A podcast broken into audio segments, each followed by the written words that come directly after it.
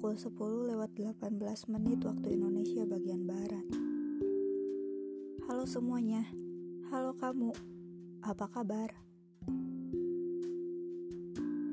Ini sudah hari ke-85, saya dan mungkin kamu juga berdiam diri di rumah tanpa pergi jauh dan mengisolasi diri. Sebenarnya, saya memang orang yang jarang keluar rumah, apalagi dalam situasi tegang seperti ini. Saya harus tetap bekerja di luar.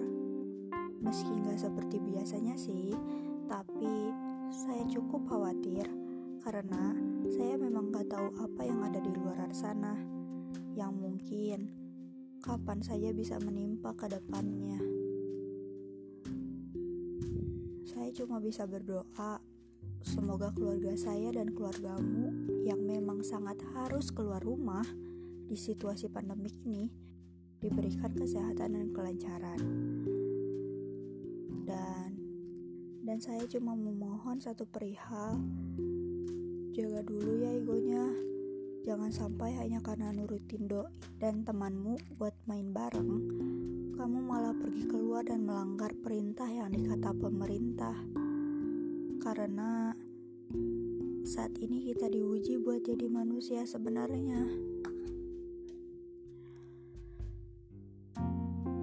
buatmu yang masih menjadi tanggungan orang tua makan hasil orang tua tidur masih dipeluk ibu bapak itu artinya kamu adalah orang yang harus benar-benar di rumah, orang yang paling berhak ada di rumah.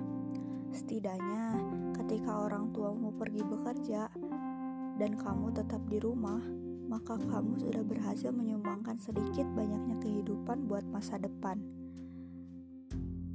Dan hal tersebut merupakan makna diam di rumah paling indah. Meski tidak ngapa-ngapain, Setidaknya dengan tidak ke mana-mana, kamu sudah hebat. Hebat membunuh virus. Kamu juga hebat memutus ego. Dan kamu sudah berhasil mengalahkan kebosanan yang saya juga tahu sebentar lagi kita dibuat gila oleh situasi seperti ini. Karena untuk saat ini kita harus saling pulang untuk saling menyatakan kasih sayang, saling diam untuk saling sehat, saling tidak berkontak fisik untuk saling menyalurkan kehangatan. Tapi nyatanya, di bumi manusia ini berisi dengan pernyataan yang kalau disimpulkan, gak akan ada semua yang sempurna. Ya seperti ini, ada yang diam di rumah dengan kesadaran tinggi, kalau virus ini sangat amat mematikan, ada juga yang masih suka menantang maut sendiri. Iya, antara masih kurang kesadaran kalau hidup itu indah atau memang dianya aja yang aneh. Hari ini saya lihat jalanan kota. Tentunya di televisi juga internet sepi sekali. Meski masih ada mobil berlalu lalang, tapi sudah saya katakan kalau bumi emang begitu. Semua nggak bisa berjalan di satu jalan sama. Pasti ada aja yang keluar atau mangkir dari jalur. Yang kehilangan pekerjaan banyak sekali. Yang kekurangan uang dan pangan jauh lebih banyak. Dan yang kehilangan keluarga hampir ratusan tiap harinya. Bukankah semakin hari kita dibuat parno, dibuat takut, dibuat menangis setiap malam saking khawatirnya? Semakin ingin memeluk keluarga masing-masing dan semakin ingin berteriak, "Woi, di rumah ngapa sih?" Semakin greget pengen narik rambut orang-orang yang masih nongkrong-nongkrong, hahaha, hihihihi bareng temen-temennya tanpa merasa salah saya suka kesal sebenarnya sama yang seumuran saya. Cuma mempertahankan ego supaya mau diam di rumah dan menolak semua ajakan buat gak ke mana-mana.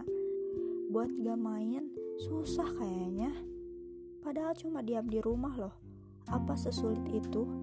Coba pikirin emang kamu gak mau punya keluarga di masa depan? Kalau di hari ini saja kamu masih mementingkan egomu sendiri buat main. Saya juga mau keluar, jalan-jalan sama teman-teman. Tapi saya juga sadar diri, saya belum bisa menghasilkan uang sendiri. Lalu, alasan saya buat keluar itu mau apa? Kalau ditanya hal mendesak saya keluar rumah itu apa? Bahkan, saya terlalu sadar diri kalau saya adalah manusia yang hari ini sedang diuji buat tahu makna sebenarnya manusia itu sendiri apa. Jadi manusia itu bukan cuma saling berbagi udara, bukan cuma gerak. Kalau gerak aja, tumbuhan dan hewan juga gerak. Bukan, bukan itu. Makna manusia jauh lebih menantang dan jauh lebih indah dari suku katanya yang sederhana Manusia nggak bisa dikatakan manusia kalau manusia itu sendiri masih nggak bisa memberi kehidupan manusia lainnya. Pokoknya, saya titip pesan buat kamu semua untuk tetap di rumah. Jangan ke mana-mana kalau nggak terlalu genting. Kemarin, saya lihat video menyayat hati yaitu perawat dan dokter menangis karena capek. Sebab melihat para manusia-manusia masih saja berkeliaran tanpa dosa, tanpa penting, tanpa makna di luar rumah. Saya meminta jangan keras kepala dulu. Yang ingin main, yang udah gila banyak kok. Harap mengikuti keharusan yang sudah ditetapkan. Ini akan berakhir hanya karena kakimu yang diam di sekitaran halaman rumah. Terima kasih. Dadah.